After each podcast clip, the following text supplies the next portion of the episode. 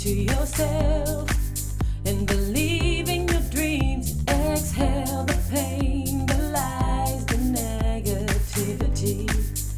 Exhale the bullshit. Welkom bij de podcast van Politieke Adem. Vandaag praat ik met Laura Kersten. Geboren in Groningen, wonend in Rotterdam. En zij is de, to, de to-go-woman voor politieke online communicatie. En uh, Laura werkte jarenlang voor wethouders uh, in Rotterdam en deed daar voor de sociale media.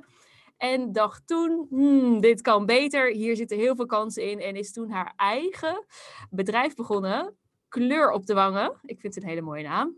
En sinds de start loopt het eigenlijk als een speer. En over haar, over haar bedrijf, wat ze nou eigenlijk doet. En misschien nog allerlei tips waar jullie allemaal wat aan hebben. Welkom. Ja, dankjewel. Heel leuk. Ik vind het echt heel leuk dat ik in, jou, in jouw podcast mag zijn. Ja, leuk. Nou, laten we gewoon eens even vertellen. Wat heb jij zelf met politiek? Hoe ben je erin gerold? Want wat is er je begint in Groningen. Heb je ook in Groningen gestudeerd? Ja, ik heb in uh, Groningen gestudeerd. Communicatie, lekker toepasselijk. En um, ik had uh, twee ouders die allebei woordvoerder waren. Oh ja? Allebei ook bij overheden uh, werkten. Of bij um, dat zelfstandige bestuursorganen. Um, dus ik heb altijd vanuit huis heel erg meegekregen dat alles wat je om je heen ziet, dat dat iets te maken heeft met de politiek, met de overheid. En dat het heel belangrijk is om je daar tegenaan te bemoeien of om daarvan op de hoogte te zijn. En dat vond ik altijd heel erg interessant. Dus toen ben ik mij tijdens mijn studie uh, gaan specialiseren op politiek en overheidscommunicatie. Um, en daarna ben ik nog bestuurskunde gaan doen. Mm, in Groningen ook? Dan gaan rollen. Heb je dat in Groningen gedaan? Uh, bestuurskunde heb ik in Rotterdam gedaan. Dus ah. een stap naar uh, de echte grote stad. Precies. en daar ben je eigenlijk begonnen volgens mij gewoon uh, eerst voor gemeentebreed de, de communicatie te doen. En later ben je dat voor wethouders gaan doen, klopt dat? Ja, ik ben bij gemeente Rotterdam begonnen als trainee. En uh, ik wilde altijd woordvoerder worden, want dat waren mijn ouders ook. En dat, nou, dat vond ik altijd heel erg tof. En um, dus ik dacht, nou, dat ga ik doen. Toen ben ik al heel snel ook echt daar terechtgekomen, daar blijven hangen. Uh, daar veel mee gedaan. Maar toen, dacht ik, toen zag ik op een gegeven moment deze kans. En toen dacht ik, nou, ik wil hier veel meer mee gaan doen. Uh, plus, ik ben, ja, ik zit zelf al heel lang op social media. Heb het altijd heel erg leuk gevonden. En zag ook heel veel influencers die ontzettend grote groepen mensen aan zich wisten te binden. Puur om, uh, op basis van wie zij waren, wat ze vonden. Maar ook op gewoon hoe hun dagelijks leven eruit zag. En toen dacht ik, nou, als zij dat kunnen, waarom zouden mensen die in de politiek zitten dat niet kunnen? Mm -hmm. Dus toen ben ik daar uh, mee aan de slag gegaan. Ja, en want even, um, hoe begon dat, zeg maar? Want ik, ik vind het eigenlijk wel even leuk, want ik heb zelf ook uh, voor een wethouder in Rotterdam gewerkt. Dus ik heb enig idee hoe het gaat achter de schermen. Um, uh, nou ja, met een team die bij achter een wethouder zit. En eigenlijk misschien het natuurlijk hetzelfde bij een minister. Daar, wordt, nou, er worden allerlei dingen bedacht en er worden, wordt in ondersteund. En de eerste keer dat jij een aantal wethouders ging helpen, schrok je toen van wat je zag, wat zij met social media deden? Of helemaal niet, of wel? Um, nou, ik zag vooral dat de focus die lag echt op Twitter. Dus oh. iedereen in het politieke domein, politiek-bestuurlijke domein, zit op Twitter. En wat mij opviel is dat ze eigenlijk heel weinig deden met kanalen zoals Instagram, wat op dit moment super populair is, wat er toen ook al was. Dus dat ze zich vooral erg toespitsten op Twitter, waar de politiek-bestuurlijke arena zich heel vaak bevindt, hè, en journalisten. Dus dat doordat ze heel veel op Twitter zagen, zagen ook heel erg in die bubbel juist bleven. Mm -hmm. hè, want de bestuurlijke bubbel zit heel erg op Twitter dus daar moeten we zijn, maar daardoor blijf je eigenlijk heel erg in die bubbel. Ja. Dus dat ze heel weinig gebruik maakten van de kansen die daar buiten lagen. Mhm. Dat viel Had, me echt. Hadden ze überhaupt Instagram-accounts? Ja, dat zeker, uh, dat zeker wel. Um, alleen, ik merkte, het wordt vaak denk ik door bestuurders uh, privé gebruikt. Hm. Dus niet, nog, nog niet genoeg voor, uh, voor wat ze doen als bestuurder. Dus heel vaak is het iets on the side, zeg maar, waarvan het leuk is om een keer een familiefoto te posten, eens in zoveel tijd. Of um, af en toe zelf een beetje doorheen te scrollen, wat natuurlijk prima is. Maar het werd toen nog niet echt gebruikt als platform om uh, jezelf te profileren als politicus of bestuurder. Mhm. Dat is iets wat nu natuurlijk veel meer gebeurt, vooral op landelijk niveau. Mhm. En is dat eigenlijk iets van het laatste jaar, dat dat nu wel gebeurt, of was dat daarvoor ook al?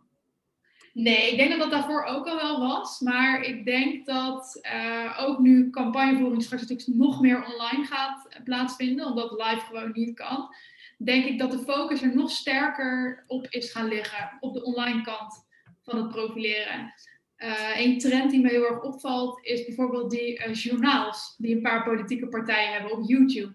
Ik weet niet of je dat hebt gezien, maar de SPD die heeft een journaal en de Forum voor Democratie heeft een journaal. Dat is natuurlijk super interessant dat dat gebeurt. En dat is wel echt iets van de laatste tijd. Ja, want die journaal, ik heb die van FD, uh, Forum voor Democratie uh, een keertje gezien. Uh, maar dat is gewoon serieus twee, drie uur lang praten over allerlei onderwerpen die zij dan belangrijk vinden. Het is bizar wat voor producties daar inderdaad achter zitten. Ik vind het ook best wel impressive om ja? te zien. Ja, wat, wat mensen weten te maken ik vind het best wel indrukwekkend. Maar dat bedoel je in menskracht en geld wat erachter zit? Ja, ja zeker. En ook, ook, gewoon hoe professioneel het er eigenlijk uit, uitziet. Mm -hmm. Oké, okay, dat, dat is een trend. Misschien wel leuk om even, want uh, zie je nog meer trends? Uh, een andere trend die je ziet is dat steeds meer, uh, vooral landelijke lijsttrekkers, maar ik denk ook op andere niveaus dat het gebeurt, is dat mensen vaker live gaan op Instagram samen met iemand anders. Dus dat ze, uh, je zag bijvoorbeeld laatst Robiette, uh, die live ging met iemand die meer vertelde over racisme tegen uh, de Aziatische Nederlanders. Um, en op die manier proberen politici onderwerpen die zij zelf heel erg belangrijk vinden, echt voor het voetlicht te brengen. Door juist online in gesprek te gaan met anderen en gewoon heel Nederland mee te laten kijken. -hmm. En waarom is live dan uh, interessanter dan een video opnemen en die dan posten? Uh, goeie vraag. Uh, wanneer je live gaat, krijgen heel veel mensen krijgen een notificatie dat je live bent.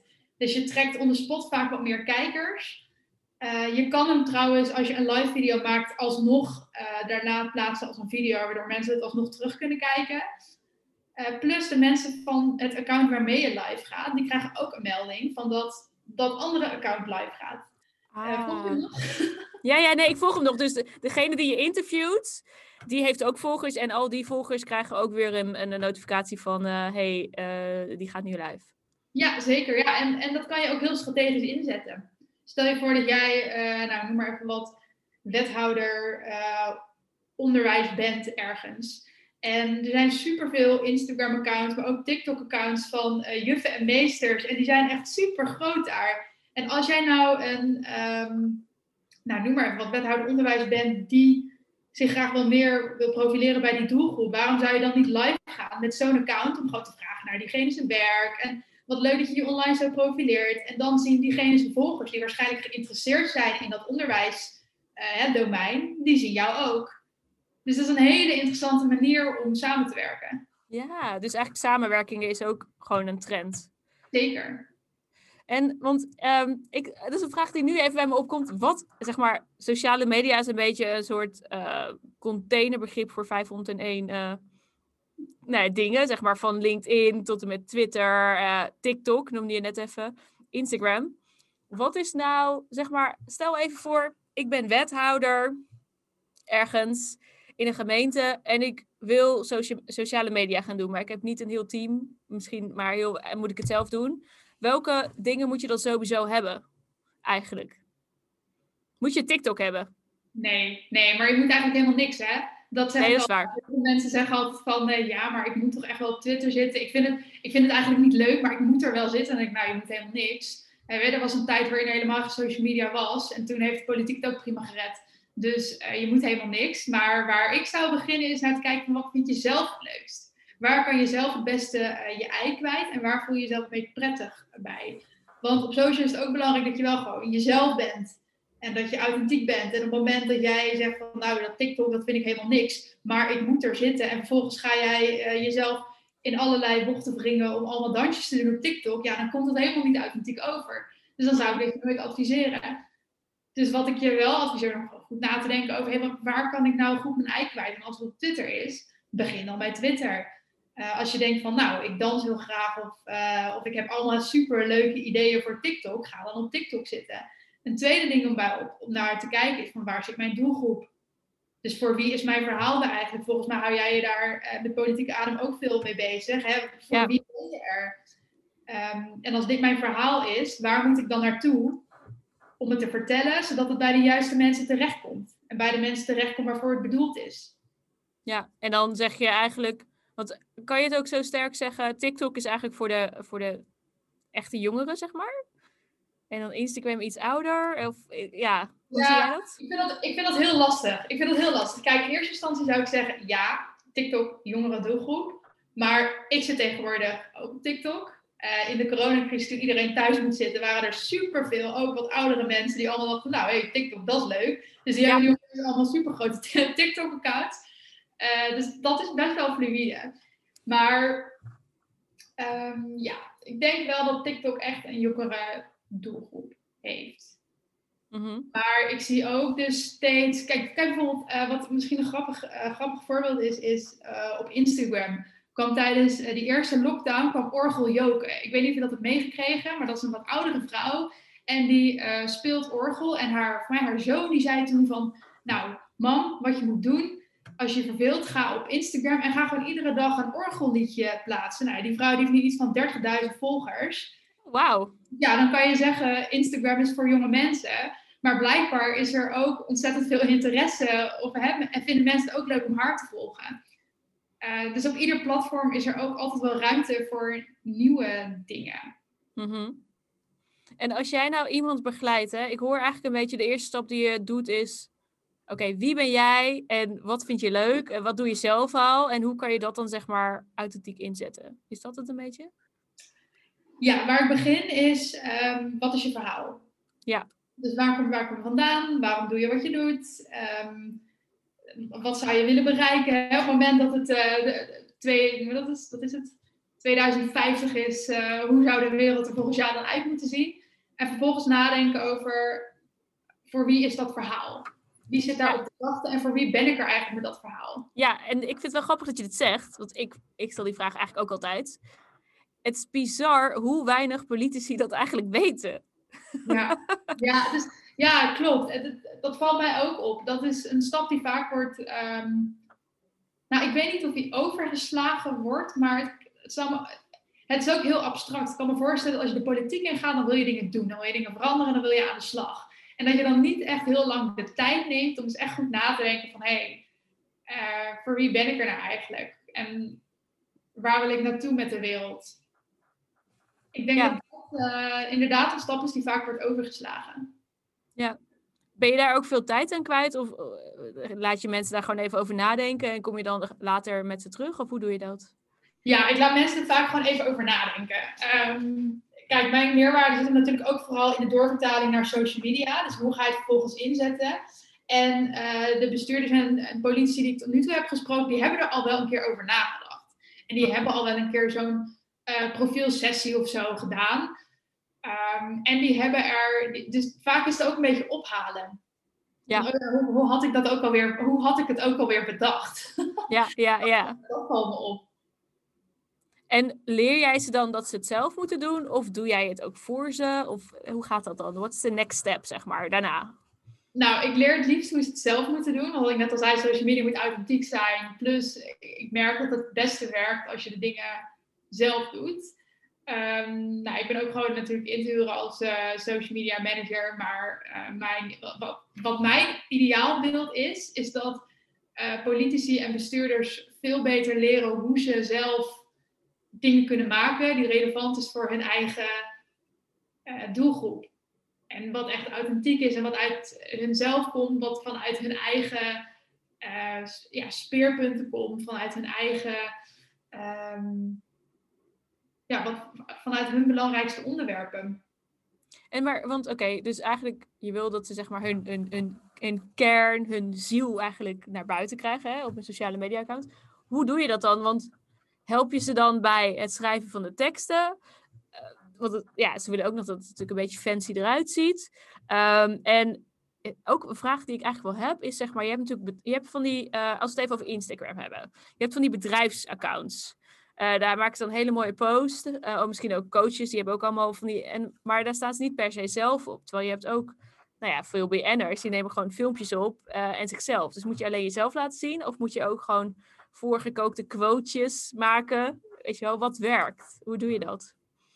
Uh, ja, dat heeft heel erg te maken met ja, contentstrategie. Dus wederom, kijk, je kan quotejes uh, gebruiken, maar dan moet je quotes maken die aansluiten bij jouw gewenste doelgroep. Want met die quotes is het wel zo, je moet je erin herkennen of je moet je erdoor aangesproken voelen. En als mensen zich niet aangesproken voelen door zo'n quote, ja, dan gaan ze er ook niet mee um, interacten, zeg maar. Dus, maar mijn ervaring is wel dat uh, posts met foto's waar ik zelf op sta, dat die het meeste interactie veroorzaken. En enerzijds denk ik dat mensen je ook een soort, weet je, er zit een menselijk gezicht dan opeens achter. Dus dan is het van, oh nou, ja, ook misschien een stukje supporten, een stukje gunnen. Um, maar ik heb ook wel eens gelezen dat mensen ook gewoon sneller aanslaan op het zien van een menselijk gezicht. Dus mhm. op emotie. Dat dat meteen al meer uh, triggert dan een plaatje. Maar wat me wel opvalt is wanneer ik uh, tips deel, dus echt uh, ja, een soort van visual met daarin verschillende tips die, waar ze doorheen kunnen swipen, dat mijn post heel vaak wordt opgeslagen. Ah, ja. Omdat het gewoon... Ja, dan is het zoiets van, oh, daar kan ik iets van leren. Precies, dat wil ik later nog een keer zien. Ja. Ja. En eh, dat is ook wel iets, dat menselijke, dat vind ik eigenlijk wel interessant. Want dat is eigenlijk natuurlijk wat je kan laten zien. Want wat ik zelf vind, maar dat is gewoon een gemis wat ik persoonlijk vind. Heel veel mensen weten eigenlijk niet wat een politicus doet. En ik denk, sociale media is de kans om te laten zien wat je nou on daily basis doet. Uh, behalve misschien een debat voeren. Ja. Uh, hè? En zeker ook als je wethouder bent of zo. Mensen hebben echt geen idee. En het is een manier om ook de persoonlijke kant te laten zien. En ook dat je misschien thuis gewoon een hond hebt en kinderen en nou ja, nog een leven. Mm um, maar juist dat mensen, zeg maar, wat ik een beetje, maar dat is een trend, daar had ik laatst recent iets over uh, gelezen, dat eigenlijk het, men, politici worden een beetje onmenselijk, zeg maar. Het is een beetje, het wordt steeds harder, die cultuur, ook online, sociale media. Um, en we, daar hadden we het ook al even in het voorgesprek over. Er komt ook een soort haat. Er is ook wel eens wel. Je stelt je dan heel kwetsbaar op. Je laat je hele persoonlijke kant zien. En vervolgens krijg je ook echt heel veel mensen die eigenlijk daar helemaal niet zo leuk op reageren. Mhm. Hoe doe jij dat? Of hoe bereid je mensen daarop voor? Of hoe help je daarbij? Um, nou, ik denk dat het vooral op landelijk niveau veel gebeurt. Dat dat het meest zichtbaar is. Um, voor ja, ik heb sowieso een aantal tips hoe je ermee kan dealen. Gewoon even technisch. Ik bedoel, bijvoorbeeld uh, op Twitter kan je mensen uh, muten. Uh, je kan ook een, gewoon een gemute woordenlijst um, inschakelen. Dus dan mute je gewoon alle tweets met een bepaald woord. Dus stel je, stel je voor, een groep mensen heeft het op je gemunt. En ze komen constant terug met hetzelfde scheldwoord. Dan kan je gewoon al die tweets eruit filteren. Zodat het gewoon meteen, hoppa, dat het uit je blikveld is. Maar is dat goed? Want dat is eigenlijk. ja, ik kom nu een beetje in een morele kwestie. Is dat. Want wil je juist ook niet gewoon zien wat er is? Want als je dat dan niet meer ziet, dan weet je misschien ook niet uh, wat mensen ergens iets van vinden. Nee, daar ben ik het helemaal mee eens hoor. En, uh, maar het moet, wel, het moet wel leuk blijven. Dat vind, dat, dat, dat vind ik wel. Kijk, ik bedoel, natuurlijk is het belangrijk om te zien wat er is. Maar als jij dagelijks uh, honderd keer uitgescholden wordt voor iets, dan vind ik dat je best kan overwegen om bepaalde dingen gewoon of mensen of accounts eh, te, je gewoon te muten of uh, te denken, ik ben ik klaar mee. Maar ik vind, nou, eh, misschien Wilders is een goed voorbeeld. Ik weet dat Wilders op Twitter, die volgt eigenlijk alleen maar mensen die hij, die hij interessant vindt, zeg maar, wat in, in, in, hè, binnen zijn verhaal past. En alles wat er niet bij past, zeg maar, die, ja, die, ja, die gooit hij eruit, die blokkeert hij. En zeg maar, dat, dat gaat buiten zijn bubbel. Maar daardoor zie je eigenlijk ook alleen maar boodschappen die passen binnen jouw eigen kader. En dan word je misschien niet meer uitgedaagd om misschien het hele spectrum te zien. Nee, dat is waar. Daar ben ik het ook mee eens. En ik, zeg ook, ik, ik zou ook nooit zeggen, mute iedereen uh, waar je het niet mee eens bent. Maar als mensen gewoon je uitschelden of zo, of uh, bedreigen, of hè, echt gewoon extreme, ex, extreme gevallen. Dus niet gewoon van, ja, ik ben het niet met je eens, rot op. Nou, dan zou ik denken, ja, prima. Maar als mensen gewoon heel vaak schelden of noem maar op, dan vind ik dat je daar best een stokje voor kan steken. Ik vind, niet, ja, ik vind niet dat je dat dat kan ook heel voor jezelf heel demotiverend zijn om juist jouw verhaal te delen. Maar je kan Ja, toch ook... Ja, maar je kan die mensen ook niet meer aangeven als je die berichten niet meer ziet. Zeg maar, als je het hebt over ook dit aanpakken. En die, want laatst heeft eh Kamervoorzitter Ariep had dan ook wel opgeroepen eigenlijk ook om aangifte te doen.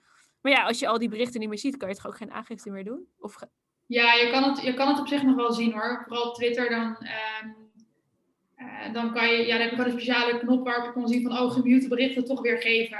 Maar om je dagelijkse gemoedstoestand ehm, oké. beetje op peil te houden, zou ik zeggen van joh, je kan dat soort dingen altijd inzetten. En ik vind dat niet per se erg. Ik vind dat je niet alles hoeft te pikken. Nee, oké. Ook als, ook als, poli- ook als eh, politicus of bestuurder. Tuurlijk is het goed om een tegengeluid te horen, maar een tegengeluid kan ook gewoon, ehm, ja, hoeft niet per se te, te ehm, hoeft niet per se een scheldpartij te worden. Want ik heb ook wel mensen gesproken. Was eh, een keer tijdens een bijeenkomst bij Stem op een Vrouw. Ik weet niet of je dat kent, een hele leuke, leuke organisatie. En daar zeiden ook een paar mensen, die waren gewoon echt met social media gestopt. Omdat ze gewoon op een gegeven moment van alles naar hun hoofd kregen. En dan denk ik van, jeetje man, wat, wat zonde eigenlijk. Dat je door een stel eh, haters, mensen die gewoon, nou, en misschien andere frustraties ook hebben, jezelf, ehm, ja, gewoon stopt met het delen van je verhaal. Ja, Nou, dat- daar zeg je wat. In, eh, in mijn tweede podcast, volgens mij die ik heb opgenomen, is met Tim Versnel van eh, de VVD. oh ja, Nou, die ken jij. Ja. Die is gemeenteraadslid in, in Rotterdam. En die zat op Twitter en die vertelde het verhaal van, nou ja, dat hij zeg maar, eh, hij zei, nou, hij zei, hij had het ook een mooi lijstje, zeg maar. Hij zei op, op Twitter wil je zeg maar statement maken, hè? Eh, nou, je bent politicus, dus je hebt een mening. Dat is een beetje het idee, ondanks dat heel veel mensen natuurlijk ook geen mening hebben. Eh, dan wil je het een beetje stevig neerzetten. En het moet zeg maar in één zin, hè? Dat is zeg maar, dat is de bedoeling. En hij zou, doordat ik dat consequent elke dag zeg maar op Twitter deed en met alle onderwerpen, sloeg ik zeg maar ook een beetje de nuance was uit die quotes. Terwijl hij ook nog best wel genuanceerd is. En toen hij zeg maar zijn hele tijdlijn ging terugkijken, wat echt heel veel was, want hij was een fanatiek twitteraar. eh, dacht hij eigenlijk, ja, maar wat nu met al die quotes, als je die achter elkaar zet, dat is helemaal niet wat ik vind. ja, Ehm, en uiteindelijk besloot hij inderdaad om ervan af te gaan, omdat het ja, een, een niet leuk debat meer werd. En het, eigenlijk liet hij iets zien wat ook niet waar was, zeg maar. Hij is veel genuanceerder misschien dan, dan dat je Ja. op Twitter zou denken. Hoe zou je dat, waar, hoe zou je hem adviseren? Misschien is dat, nu is hij er van af, zeg maar. Dat is Nou, Tim, eigenlijk als zonde. je, Tim, als je luistert. Nee, wat, eh, eigenlijk kom je dan weer terug bij het begin. Hè, van, ehm, kies een kanaal waar je je ei kwijt kan. Als jouw ei eh, genuanceerd is, dat klinkt trouwens heel gek deze zin, maar als dat zo is, misschien is Twitter dan gewoon niet jouw eh, platform. Hè, of als je je daar op een gegeven moment niet meer thuis voelt of niet meer denkt van hé, hey, ik vind het leuk om hier te zijn, ik vind het leuk om mijn verhaal hier te delen, eh, moet je er dan per se zijn. Nou ja, maar nou, misschien, misschien zit hier ook nuance. Kan dat op Twitter? Ja, jawel. Je, hebt, je kan natuurlijk ook video's plaatsen. Je, kan, eh, je, je zou bijvoorbeeld, als je een wat uitgebreider verhaal hebt, zou je ook een soort graphic kunnen maken waar je je verhaal wat breder uitschrijft. Dus nee, natuurlijk is er ruimte voor nuance. Op je kan een draadje maken. Eh, Wat is een draadje? Hm? Wat is een draadje? Ja, dat zijn wel meerdere tweets achter elkaar. Oh ja, oké. Dus dan heb je zo'n, eh stel je voor je hebt een, een lang verhaal van drie tweets, dan sluit je je eerste tweet af met de 1 slash 3. En Twitter die kan dat inmiddels ook, eh, ja, daar kan je dat helemaal ook zelf in instellen. Maar dat kan je ook gewoon doen. En mensen lezen dat volgens, volgens mij wordt die, eh, die draadjes, krijgen die best wel veel interactie. Juist omdat je wat, ook wat uitgebreider bent in je verhaal. Dus dat kan echt wel. Mhm. Zie jij ook, zeg maar, want jij doet dit nou al een tijdje, zie je ook een soort verharding in het debat Ehm, op sociale media? Echt wat, gewoon concreet wat jij ziet, want daar wordt wel over gesproken, maar merk jij dat ook? Nou, kijk, richting mezelf niet. Maar ehm, ja, ja, heel erg. Ja?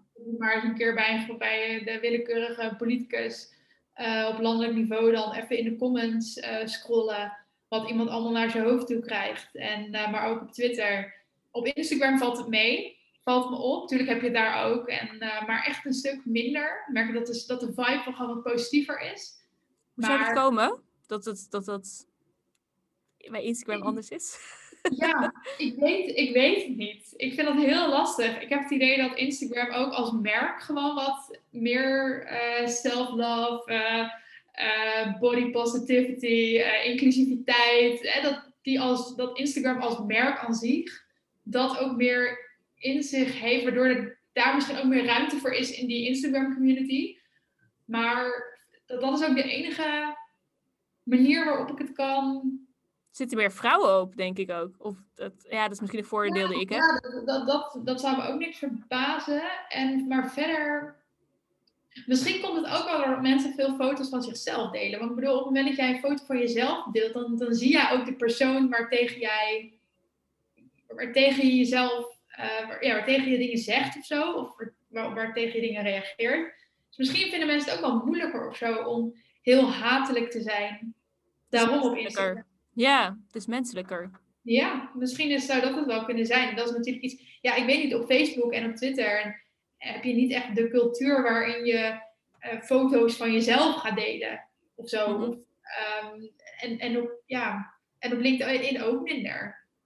Wat, wat is jouw advies naar ja, haters, om het zo maar te zeggen? Moet je die negeren?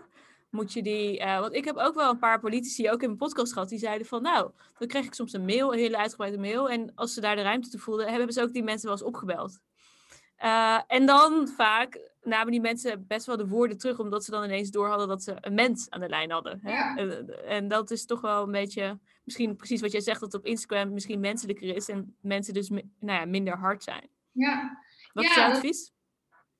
Goed, mijn advies. Nou, mijn advies is van ehm, sluit je niet overal voor af.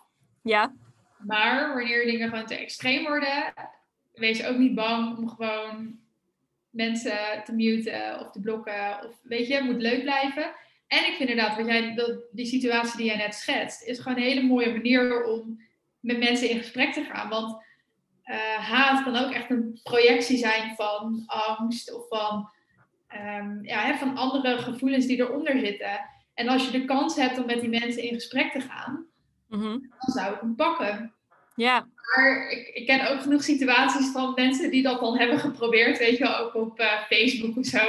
En dat mensen gewoon weer, als je dan, en dan reageer je van, nou, als politicus of als bestuurder, van, hé, hey, eh, gaat het? Of eh, wat vervelend dat je zo fel bent, kan, kan ik iets voor je doen? Of eh, is er wat anders? En dat ze dan vervolgens daar gewoon weer met een haatcomment op reageren. En dat je ook denkt, ja, nou, hè. oké, laat maar, laat maar. Maar je wil hem niet hebben. Never mind. Ja, ja, ja. En ehm campagnewijs, want ja, maar dit is een, eh, zeg maar, ehm, ik vind eigenlijk zeker nu in coronatijd, en misschien sowieso wel, ik heb heel erg het gevoel dat we sinds Obama in, ehm, in Amerika, die echt zeg maar op sociale media gaan, ging en ook echt zo'n grassroots campagne had opgezet en ook zo heel veel geld heeft binnengehaald, dat we in Nederland daar ook wel nog meer online zijn gaan doen dan we daarvoor deden.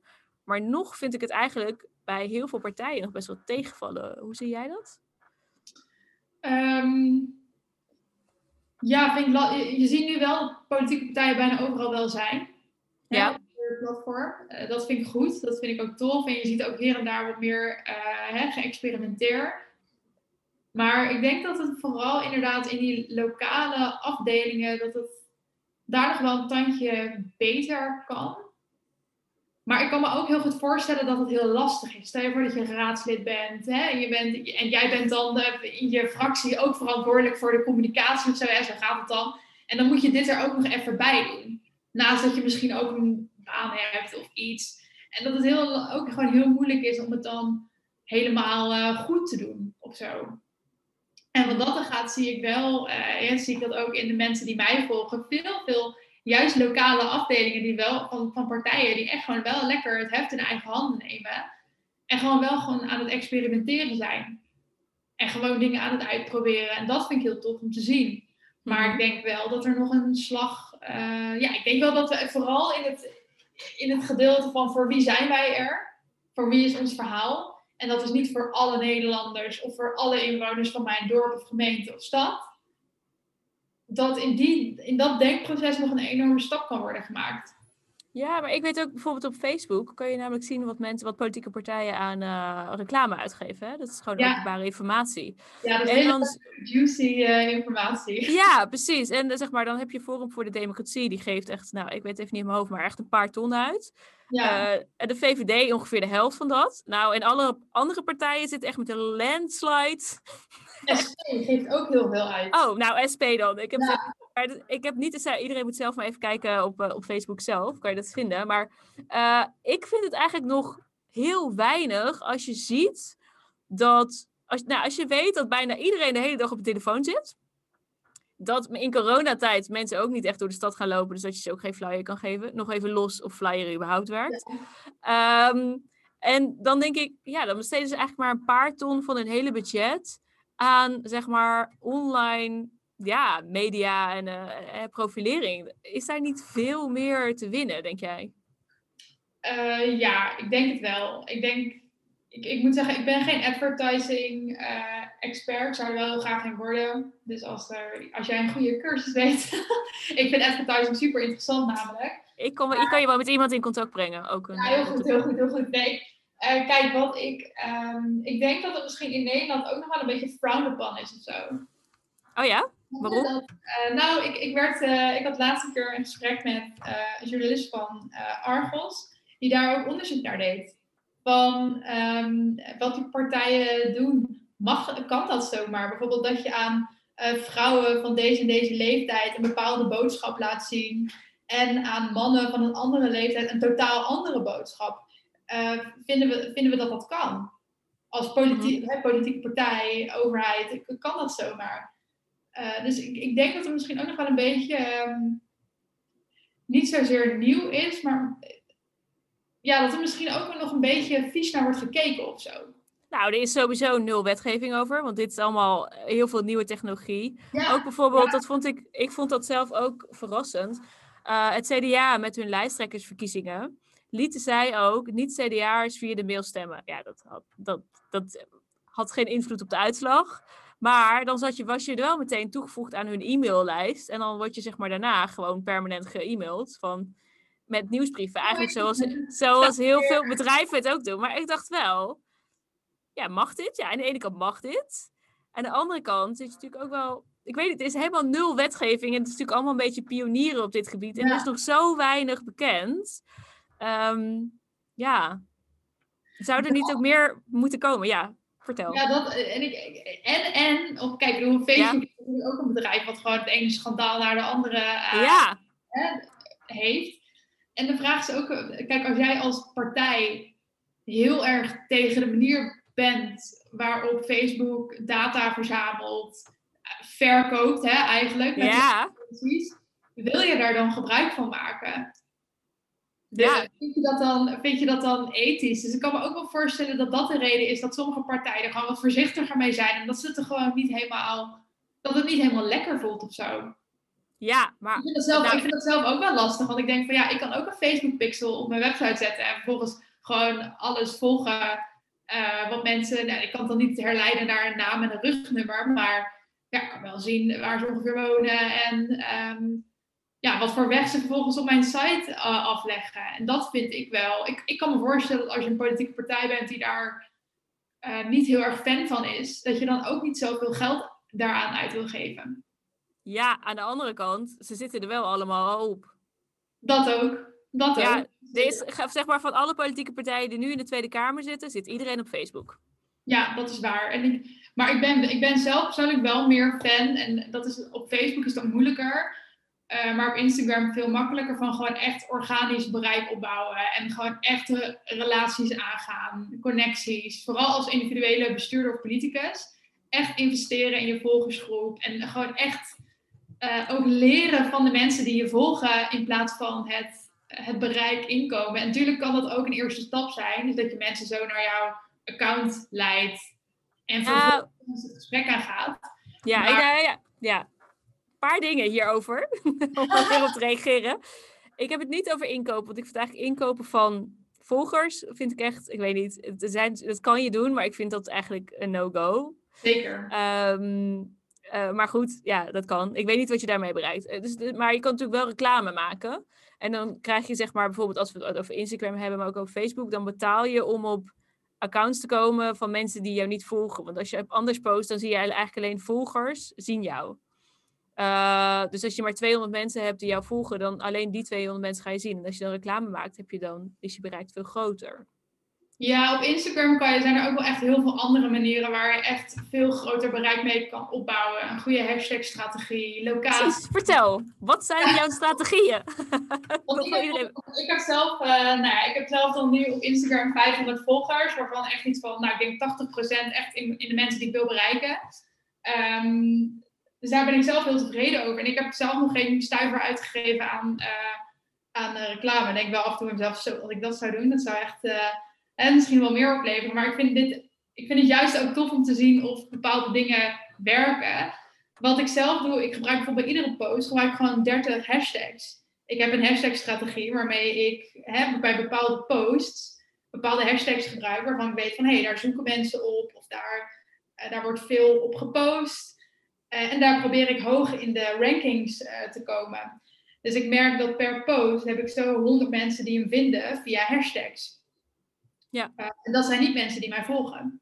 Ja. Dus op die manier, en, en dingen als locatie gebruiken. Sommige mensen zoeken op Instagram ook op locatie. Dus ik heb er ook altijd wel een paar tussen zitten die bijvoorbeeld mijn post vinden. Op basis van de locatie die ik heb gebruikt. Dus dat zijn ook manieren om, om meer bereik te krijgen. Ja. En ik zie nu, ja, ik, nu ik weer wat actief ik ben best wel actief de laatste dagen op eh, stories weer, dat op die manier er ook weer sneller mensen bij komen. Ook omdat ik overal gewoon gebruik maak van eh, hashtags die voor mij werken. Het- Is het, want op Instagram bijvoorbeeld kan je en stories doen. Trouwens, in stories kan je tegenwoordig ook op LinkedIn en Twitter en overal doen eigenlijk. Ja, Twitter die gaat volgens mij, die gaat morgen volgens mij. Ja, dat is helemaal nieuw. Maar ik, wat ik een beetje vind, nou nu van al die media, dan denk ik, alles begint een beetje op elkaar te lijken. Ja, En moet ik dan zowel een story doen op Instagram en dan ook op Twitter en dan op LinkedIn en zo? Hoe vind je dat eigenlijk? Want dat is wel een struggle wie ik, wie ik heb, zeg maar. Dan heb ik één boodschap. Dan denk ik, als ik dat op Instagram post, kan ik dan ook nog hetzelfde berichtje ook nog op LinkedIn posten? Of is dat dan een soort van not done? Nou, ik vind dat het wel kan, maar ik probeer wel een beetje te differentiëren. Dus ik ga niet op dezelfde dag dezelfde boodschap op Instagram en LinkedIn plaatsen. Maar op LinkedIn plaats ik ook bijvoorbeeld veel minder vaak dan op eh, Instagram.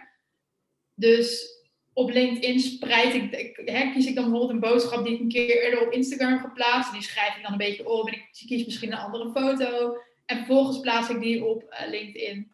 Mhm. Dus ik heb daar ook gewoon een iets andere eh, frequentie die ik heb gekozen qua posten. Mhm. Eh, dus ja, ik differentieer daar wel in. Het is ook, het kan, kijk, als je meerdere kanalen wil gebruiken, is het ook wijsheid om eens na te denken over wat deel ik waar. Dus welke waarden wil ik voor mensen waar bieden? Twitter is bijvoorbeeld een plek waar heel veel journalisten zitten, heel veel andere bestuurders, politici. Dat is een mooie plek om eh, hè, meer die interactie aan te gaan met de pers. En met de media. En om persberichten te delen. En om echt nieuws te maken. Eh, op Instagram kan je daarentegen meer een persoonlijk verhaal houden. Dus stel je voor, jij hebt vandaag, eh, nou noem maar wat, je gooit vandaag een persbericht uit over dat je voor elkaar hebt gekregen dat er eh, vanaf volgende week meer boa's in de stad lopen. Noem maar wat randoms. Dan zou je daar een persbericht heel mooi kunnen delen op Twitter. Maar op Instagram zou je een heel mooi persoonlijk verhaal kunnen delen over waarom je dat zo belangrijk vindt. En, hè, en wat, misschien heb je ooit een keer een verhaal gehoord van een bewoner die iets heel heftigs heeft meegemaakt. En hè, waarmee je nu hoopt dat, dat, dat je weer een stukje extra veiligheid bijvoorbeeld hebt gebracht in de stad. Noem maar even wat. Hè? Dus Mhm. je kan daar in differentiëren. Je kan de manier waarop je die boodschap inpakt, kan je per kanaal anders invullen. Het is eigenlijk best wel nog veel werk dan. Ja, maar ik, ja, kijk hoe ik het. Ja, het, is, het kan veel werk zijn, ja. Maar ik denk dat het het waard is. En daar komt dus ook bij kijken, is, hè, wat ik in het begin ook al zeg, kies, kies iets wat je leuk vindt. En kies iets wat je natuurlijk afgaat. En ga je daar, hè, ga je daar eerst eens eh, op storten. Mhm. Want het is wel veel werk. En ik kan me voorstellen dat als jij ehm, van nature heel Twitter heel erg leuk vindt, of in mijn geval Instagram, ja, dat gaat mij heel makkelijk af. Dus een story maken of een post maken, dat, dat voelt voor mij niet als heel veel werk. Mhm.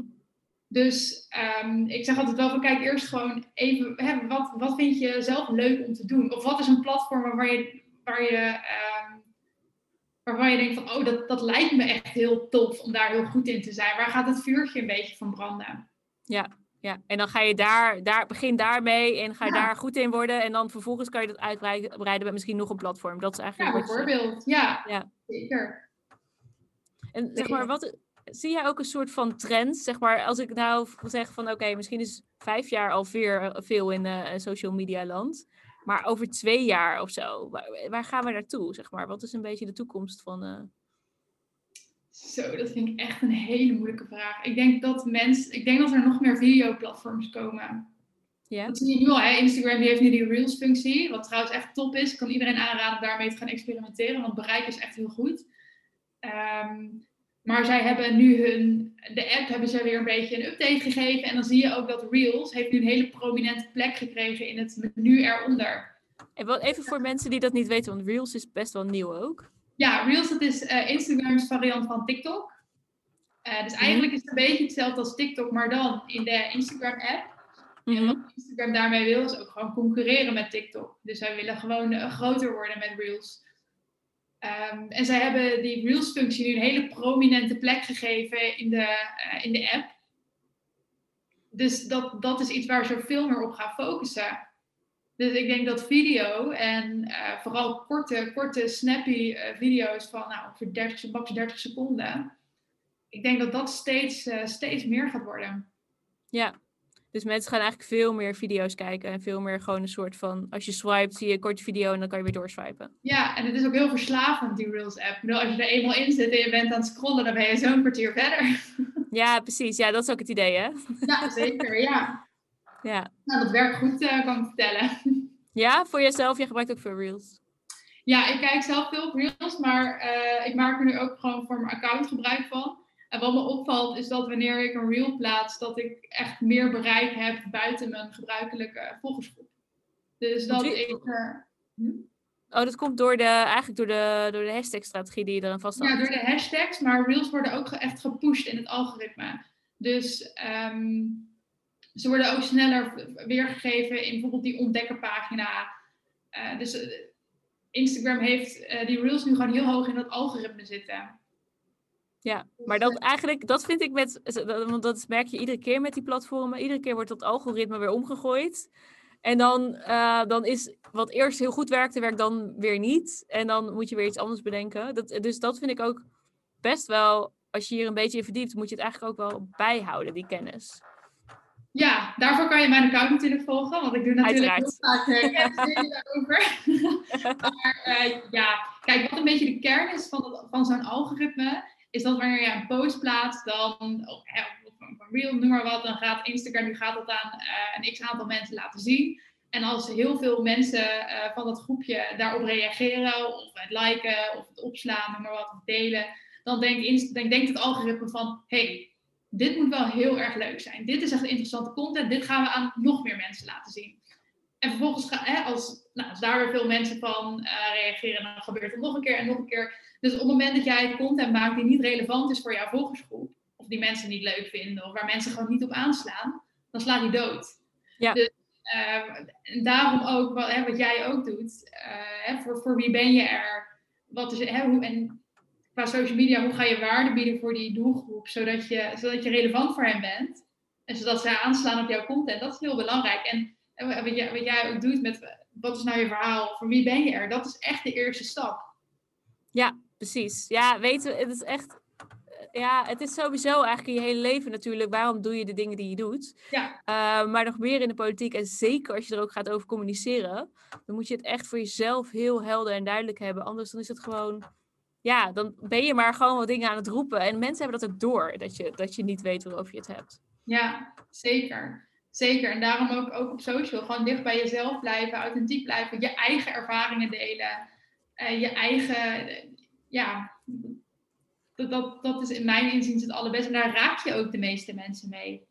Ja, ik denk dat ik, en dat is misschien ook wel een beetje de reden dat ik deze podcast ben begonnen. Ik mis altijd een beetje het persoonlijke soms. Ehm, hè, dus eh, nou ja, een beetje eh, in de politiek, ik snap het ook wel. Hè? want Het is, je staat echt zo onder een vergrootglas en het gaat altijd over de inhoud en je moet een felle mening hebben en zo. Terwijl uit onderzoek blijkt gewoon dat 80% van de Nederlanders over heel veel dingen eigenlijk helemaal geen mening heeft. Of gewoon nog nooit over heeft nagedacht, zeg maar. Maar in de politiek Ja. moet iedereen heel een uitgesproken mening hebben. Je moet overal wat voor vinden. eh, Ja. En je moet dat helder in een soort soundbites kunnen eh, ja, laten, laten zien. Het heeft ook een functie dat, men, dat, deze, dat politici dat overal ergens over moeten vinden. Want als zij er niks van vinden, dan vindt niemand er wat over. Maar ja, wat gaan we dan doen? Dus, dus het, het heeft ook een functie dat de politiek nadenkt over dingen waar wij misschien nooit in ons dagelijks leven over nadenken. Absoluut, Maar- maar ik zou het ook wel eens verfrissend vinden als iemand zegt, "Dat weet ik niet, heb ik nog niet over nagedacht. Ja, dat is waar. Ja, Want dat zijn ja wel... dat, dat zie ik niet snel gebeuren. Maar ik vind het wel, ik, kijk, wat je, wat je wat je zegt, ik mis dat inderdaad wel. Een stukje ja, gewoon persoonlijkheid. Ja, en ook dat iemand, en dat iemand ook een keertje zegt, weet ik niet. En dat ook, dat is natuurlijk de druk van de media, die gewoon, die belt je op en dan moet je binnen twee seconden eigenlijk weten wat, wat, wat je ervan vindt. Terwijl het rapport 500 pagina's hebt en je het net gekregen hebt. Dat iemand een keer zegt, ja, weet ik niet, want ik heb dat nog niet gelezen. Wat logisch is. Ja. ja, het gaat heel snel. Het is natuurlijk een hele gejaagde, gejaagde wereld wat dat er gaat. Ja, want jij, daar misschien ook wel leuk, want daar hadden wij het ook even in het voorgesprek over. De wereld erachter. Ehm, want dit is natuurlijk, zeg maar, socia- sociale mediastrategie is natuurlijk leuk als je gewoon lekker thuis zit en alle tijd hebt en dat helemaal kan doen. Maar jij weet ook als je in de politiek zit, het is echt. Nou ja, misschien kun je er iets over vertellen hoe je dat zelf ervaart achter de schermen en hoe, hoe best wel je dat, hoe je daarin meegezogen wordt en zo. Kan je daar iets over zeggen? Ja, nou, wat ik zelf merk is dat ik, ik heb echt met die, ik heb dus echt een haat-liefde verhouding met die wereld. Dat, dat, dat gejaagde en dat snelle. Het is ergens is het allemaal heel erg cool en tof en eh, spannend. Ja, Eh, maar op het moment dat je erin zit, heb ik ook wel eens iets van, nou, ik, ben nu alweer, ik vind het nu alweer even goed, weet je wel. Ik wil die telefoon wel even uitzetten. En, ehm, maar op het moment dat dat dan zo is, dan wil je er eigenlijk ook weer, wel weer eens naartoe. Is het verslavend? Is het Ja. verslavend? Ja, het is verslavend. En ik merk ook dat op het moment dat je, eh, of je hebt het dan ook gemerkt, dat je op het moment dat je denkt van nou, hè, vanavond ga ik mijn telefoon even uitzetten. Dat het, dat het dat eh, aangehaakt blijven soms eh, fijner voelt, veiliger, maar, in de, maar bezig blijven zodat je niet eh, helemaal inkakt, zeg maar. Of zodat je, ja, Ja? dat dat veiliger voelt en beter voelt dan eh, helemaal, helemaal afhaken. Het is echt een soort, het is, het is wel echt verslavend. Ja, maar de- kijk, dat is natuurlijk ook zeker als je in de landelijke politiek zit. Dan moet je overal mening van hebben. Maar als er dus een of andere ramp gebeurt aan de andere kant van de wereld, dan moet je daar eigenlijk meteen op reageren. Ja, Dus je moet eigenlijk, en dat is natuurlijk wel een gevaar, dat je dan 24-7 aanstaat. Ook als je gewoon even thuis op de bank zit. ja, nou echt mijn ultieme tip is van maak jezelf eh, niet onvervangbaar. Of zeg maar, zorg voor een goede vervangingsstructuur. Of dat je elkaar kan waarnemen. Of, hè, of Oh, in de fractie bedoel je dus dat, er, dat één iemand gewoon een soort van media waakzaam is of zo? Of hoe bedoel je dat? Nou, ik kan, me- ik kan me wel. Kijk, je kan niet, oh, je kan niet altijd aanstaan. De boog kan Nee. niet altijd zijn. Je moet af en toe moet je gewoon even gewoon op de bank kunnen liggen en eh, gewoon kunnen chillen en je telefoon uit kunnen zetten. En Ja, maar dat wil je. Zeg maar, oké, stel je bent. Oké, even hypo- hypothetisch. Dus stel je bent een minister. Eh, nou, Mark Rutte moet denk ik sowieso over. Nou, misschien ook Mark Rutte. Hoe moet je dat doen als hij gewoon ook een keertje wil chillen op de bank? En, eh, maar je wil ook wel reageren. Je kan niet je telefoon uitzetten. Op zijn minst moet je assistentje of zo kunnen bereiken. ja, ja dan, maar dat zou altijd wel kunnen, denk ik. Maar Dan hoe, zou jij dat, hoe zou jij dat dan doen? Hoe kan je wel zorgen dat je wel op de bank kan zitten en chillen? Ik denk een goede vervanger. Dus iemand die je kan waarnemen. Maar dat zie je in, in gemeenten ook, hè? Als de burgemeester er niet is, dus er een lokale burgemeester. En Ja. dat heb je op landelijk niveau. Als, als de minister-president er niet is, dan is er een vicepremier. En Ja. ehm, Ja, maar het is niet, maar even Laura, het is niet als het weekend is, dat er Nee. dan een vervanger is. nee, natuurlijk niet. Nee, in weekenden niet. Nee, zeker niet. Maar ik denk dat als je fractiemedewerker bent of zo, dat dat dan wel misschien zou kunnen. Maar inderdaad, als je op zo'n hoog niveau politicus bent, ja, dan hoort het er denk ik ook een beetje bij. Maar is dat menselijk? Want dat maakt het echt heel zwaar, hè, het beroep. En je doet het niet één jaar, je doet het vier jaar en misschien wel acht jaar. En vaak zitten mensen daarvoor ook al tientallen jaren in de politiek. Je Ja. zit altijd aan, hè. Het is best Ja. wel, het is echt een wisselwerking op gewoon op jezelf. ja, ik vind het, ik, ik kijk ernaar en ik kijk er met be- bewondering naar, als in, eh, ik ambieer het niet, maar ik, ik, ik, vraag me af ook af, hoe, doe, hoe doen ze het? Hoe, hoe, hoe, hou je, hoe hou je het vol? Maar je, jij zit ook dicht bij het vuur. Hoe doen ze het? Ja, ik, ja, Ja. Ik, weet, ik, weet, ik weet het ook niet, maar ik denk dat misschien luisteraars eh, die ook dicht bij het vuur zitten het wel kunnen vertellen. Ik denk dat het misschien ook adrenaline is. Ja.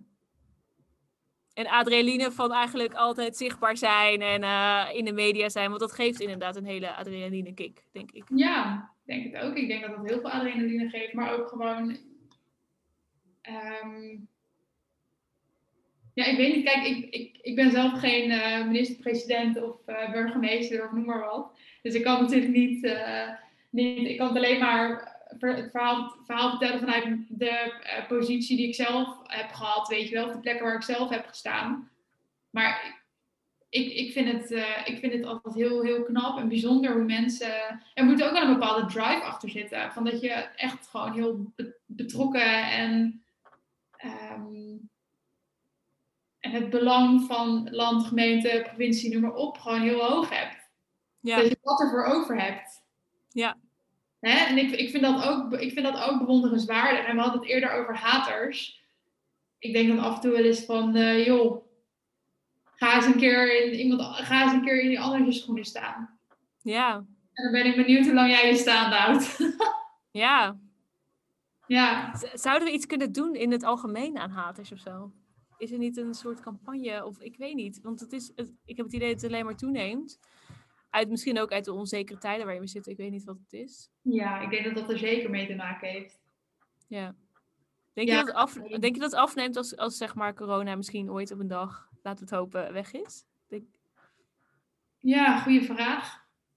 Ik denk inderdaad wel dat gewoon de onzekerheid, onzekerheden in de samenleving ervoor zorgen dat inderdaad het debat verhardt, dat, er, dat alles feller is en, en gewoon onzekerder, dat het bepaalde emoties in mensen omhoog brengt. Maar ja, het kan natuurlijk ook heel goed zijn dat het juist hierna, als we met z'n allen eens gaan reflecteren, dat, dat het debat dan nog harder, eh, harder wordt.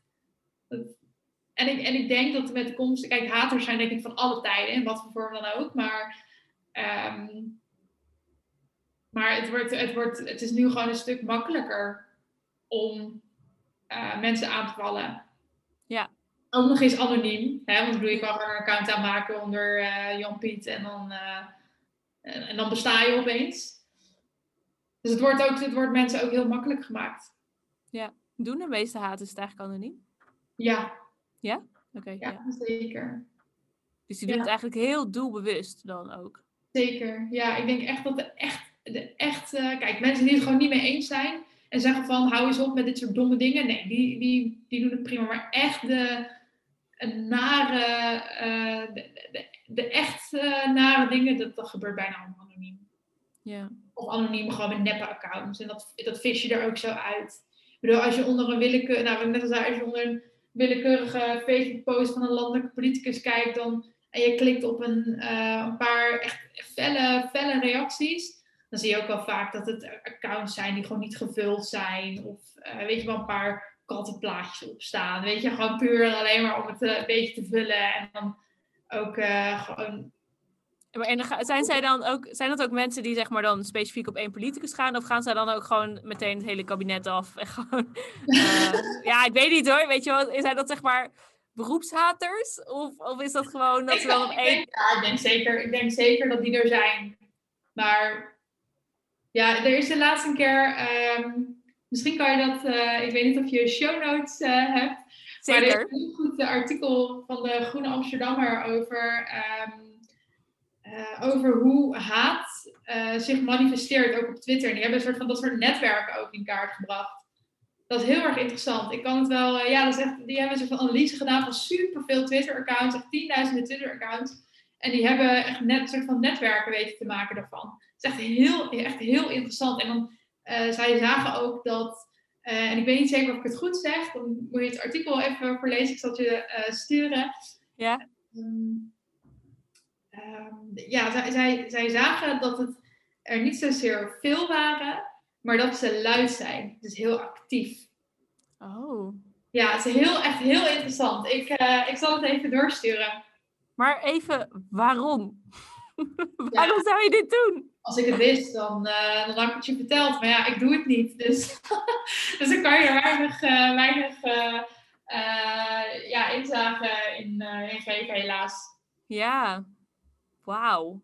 Ja ik, ja, ik kan daar niet helemaal bij waarom je dat zou doen, weet je wel? Nee, Ja, ik Zo. ook niet. ik zou betere dingen weten om met mijn leven te doen, oké. Ja, jeetje. Ehm, Maar ja, sluit je, dus af op een hele negatieve toon. Ja, nou, daar zat ik even over na te. Ik wilde even terug naar jou persoonlijk, zeg maar. Want je ouders waren, eh, zijn, waren, zeg maar, woordvoerders. Ehm, is dit, zeg maar, deze weg die je in bent geslagen? Want het is toch, nou, je bent geen woordvoerder, maar toch eigenlijk op een andere manier. En aan de ene kant wel, aan de andere kant niet. Is dit een beetje, is dit je droom? Is dit je pad die je opgaat? Ga je hierin verder ontwikkelen? En is dit wel, heb, heb je je passie gevonden, zeg maar, jouw vuur? Ja, zeker weten. Ja. ja, daar kan ik 100% ja op zeggen. Ik vind het zo ontzettend vet. En eh, ik ben ook eh, ja, ik ben een jaar geleden ongeveer begonnen met het bedrijf. En ik, ik heb er echt nog geen dag eh, spijt van gehad. Ik ben er zo, zo- zo ontzettend blij dat ik het heb gedaan. En ik zie ook dat er kansen liggen en dat ik hier ook echt iets in kan betekenen. En eh, ja, dat ik hier echt mensen echt mee kan helpen dat vind ik zo, dat vind, dat vind ik zo tof. Dat, ehm, ja. Ja, dat. En dat mensen Mooi. er ook op, ik, ik vind ook gewoon, en dat mensen er ook op zitten te wachten. Ja, Dat eh, meer, ja. Ja, nee, echt de beste, beste stap. En nog even laatst, want ik vraag meestal, omdat ik dan politici interview, vraag ik meestal van, wat zou je tip zijn voor nou nog beginnende mensen die hè, nog helemaal aan het begin staan of denken van, oké, ik denk erom in de politiek te gaan. Wat zou je zeggen, wat moeten ze doen? Wat zijn de dingen die ze op sociale media vlak zouden kunnen doen of die heel veel mensen vergeten of zo? Ehm, nou, ik denk dat je dan weer terugkomt bij het begin. Start met wat is je verhaal en voor wie ben je er? En ga die mensen leren kennen. Ja. Weet wat hun, weet wat hun problemen zijn. Weet wat hun obstakels zijn in het leven. Weet wat, hè, waar, waar, waar, waar en, en eh, bedenk je vervolgens hoe je eh, met jouw verhaal waarde kan creëren voor die mensen. Hoe kan je hen helpen? En ga Ja. daar content over maken en creëer op basis daarvan je platform. Eigenlijk op basis gewoon van jezelf. Leuk. Dus eigenlijk eh, heel goed jezelf kennen. Ja, zeker, zeker. En, eh, en vanuit daar eh, je, je doelgroep leren, leren kennen. Leuk. Nou ja, ehm, ja ik, ik hoop dat iedereen het meeneemt. En ik hoop ook meer leuke dingen te zien. En misschien ook vooral lokale politici. Dat zou echt eh, leuk zijn om daar ook meer een kijkje achter het scherm te krijgen. Al is het maar ook om, zodat mensen beter weten wat er eigenlijk in de politiek gebeurt. En wat, al, Ja. wat, wat honderden, duizenden mensen elke dag doen in de politiek. En ook Mhm. eh, met passie. Ehm, ja, dankjewel. Heb je eigenlijk nog iets, eh, heb je iets gemist? Wil je nog iets zeggen? Nou, ik zit er net zo over na te denken, maar ehm, nou, ik denk dat we een mooie, hele mooie podcast hebben gemaakt. Ja, verder misschien nog één ding. Nog één ding, hele Oké, belangrijke. allerlaatste. is niet alleen zenden, maar ook juist gesprekken voeren. Het gaat om interactie. Dus ga in gesprek met mensen. Ja. Ja, mooie tip. Ja, gewoon wees ook open en heb het gesprek. Leuk. Dankjewel. En eh, heel veel succes eh, met je bedrijf. En eh, ja, laten we hopen dat je heel veel mensen meer kleur op de wangen kan bezorgen. Ja, zeker. Dank je wel. Oké, dank je.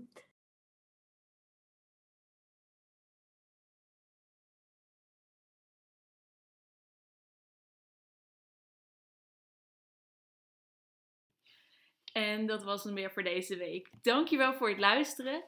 En de podcast wordt meer en meer beluisterd. Er zijn al meer dan 800 downloads, waar ik super blij mee ben. Maar om de podcast nou nog beter gevonden laten worden, zou je alsje, alsje, alsjeblieft een review willen achterlaten op iTunes.